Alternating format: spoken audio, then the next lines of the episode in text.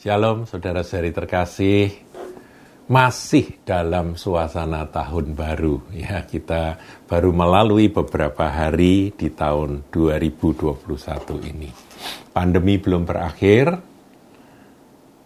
Resesi ekonomi juga belum menjadi sebuah recovery, tapi saya berharap saudaraku iman kita, pengharapan kita dan kasih kita terus bertambah-tambah tidak ditentukan oleh situasi kondisi, tapi ditentukan oleh hubungan kita dengan Tuhan Yesus Kristus.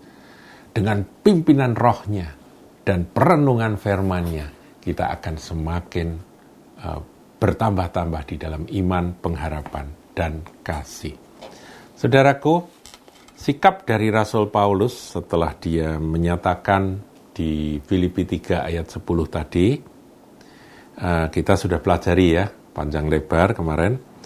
Uh, kita akan lanjutkan dengan ayat 12. Filipi 3 ayat 12. Dikatakan demikian, bukan seolah-olah aku telah memperoleh hal ini atau telah sempurna. Melainkan aku mengejarnya kalau-kalau aku dapat juga menangkapnya. Karena aku pun telah ditangkap oleh Kristus Yesus.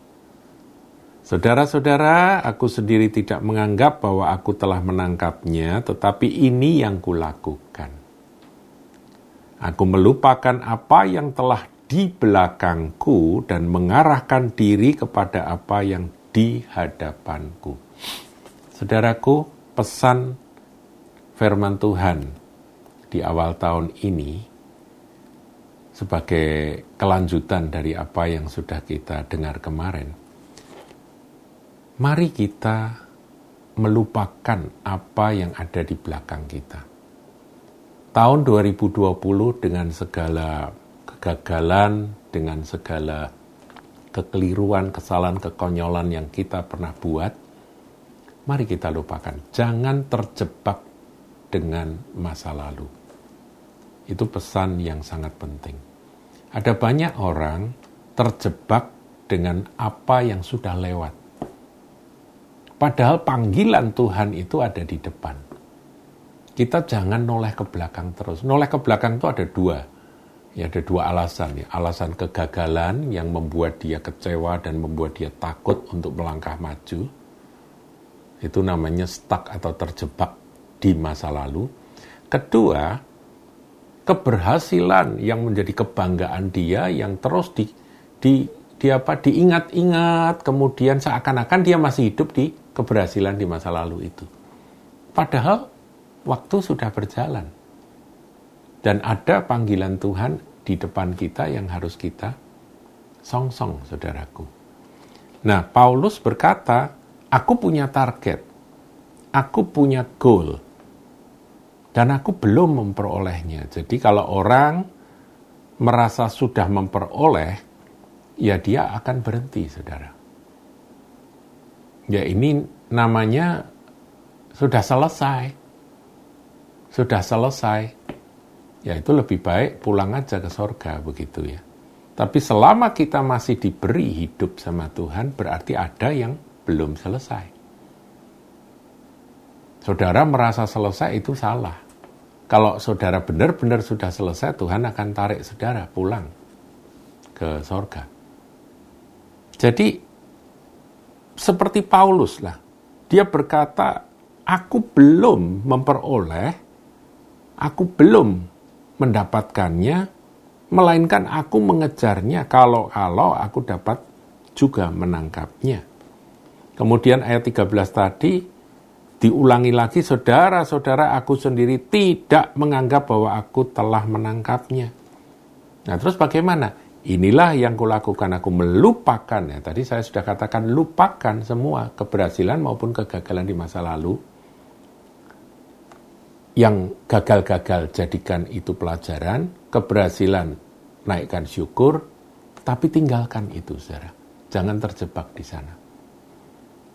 Berjalan ke depan. Tahun 2021 menunggu kita. Mengarahkan diri kepada apa yang di hadapanku Kemudian ayat 14 ini bagus untuk dibaca. dan berlari-lari, artinya bukan berjalan santai.